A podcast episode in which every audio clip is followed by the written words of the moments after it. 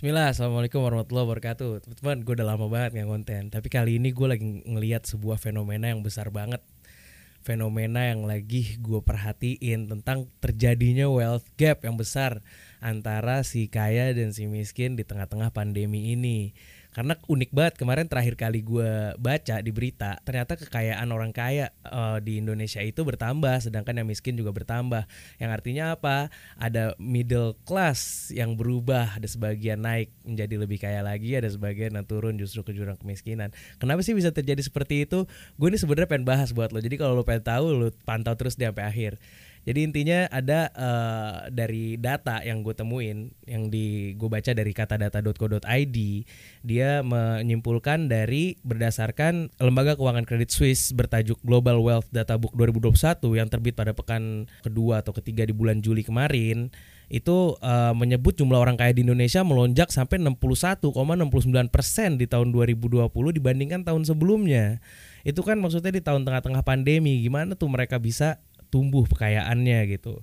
Jadi yang termasuk kategori itu adalah penduduk dengan kekayaan bersih yang lebih dari 1 juta dolar atau 14,5 miliar, jumlahnya mencapai 171.740 orang pada tahun 2020. Wow.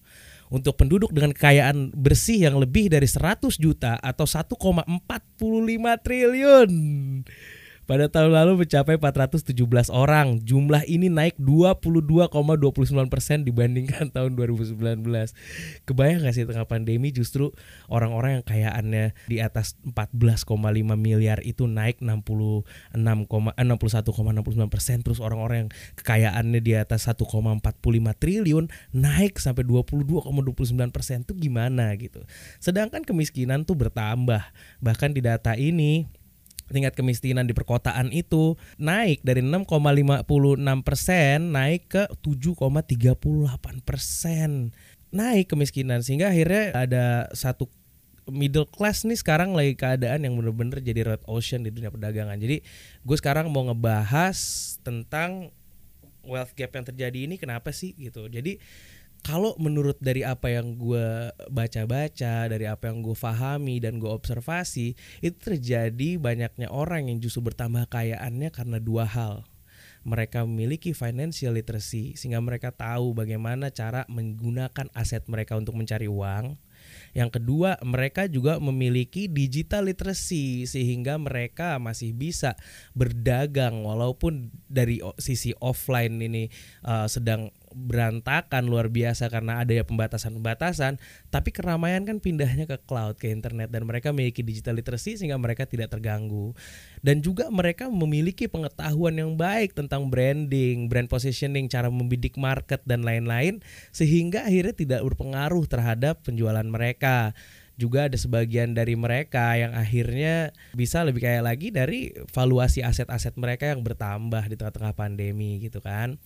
Nah, uh, apa sih sebenarnya solusi yang mesti kita lakuin? Ya berarti gue menyarankan untuk kita semua agar belajar lagi tentang financial literacy dan bagaimana cara membuat aset aset kita nanti ke depannya kita harus mulai belajar tentang investing. Kalaupun kita sekarang mau cari uang gitu, mau bisnis, bisnisnya ke mana? Berarti kita tahu kan uang yang berada sekarang ada di upper class.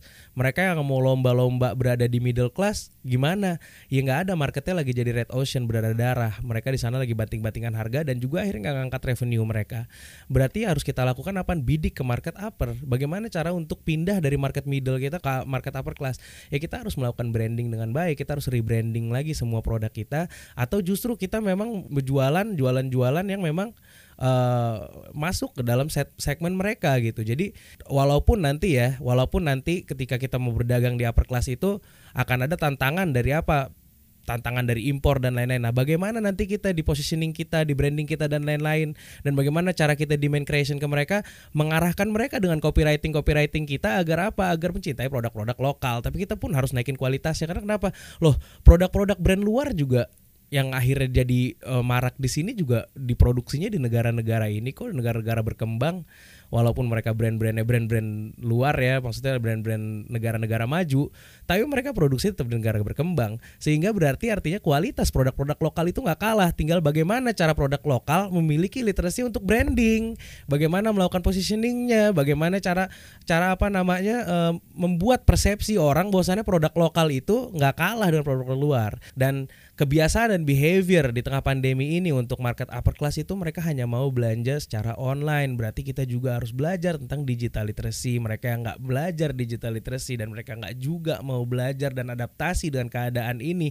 Apalagi sekarang lagi didorong luar biasa ke arah industri revolusi 4.0 ke dunia digitalisasi. Dan kita juga nggak mau masih untuk belajar digital literacy ya udah kita nggak akan bisa survive nanti ke depannya. Karena mau nggak mau kita didorong dan harus adaptasi dan keadaan tersebut.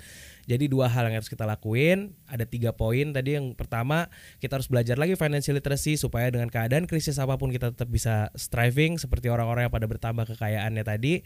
Yang kedua kita harus belajar tentang bagaimana membidik market bagaimana kita uh, melakukan branding marketingnya dan sellingnya. Dan yang ketiga kita harus belajar tentang digital literasinya agar kita bisa mendapatkan market share yang ada di masyarakat saat ini. Nah, jadi uh, penting kan kita untuk belajar tentang finansial literasi kita, tentang digital literasi kita. Ternyata itu menjadi kunci bagi mereka-mereka yang survive dan justru kayaknya bertambah di tengah-tengah pandemi seperti ini. Oke, segitu aja dari gue. Assalamualaikum warahmatullahi wabarakatuh.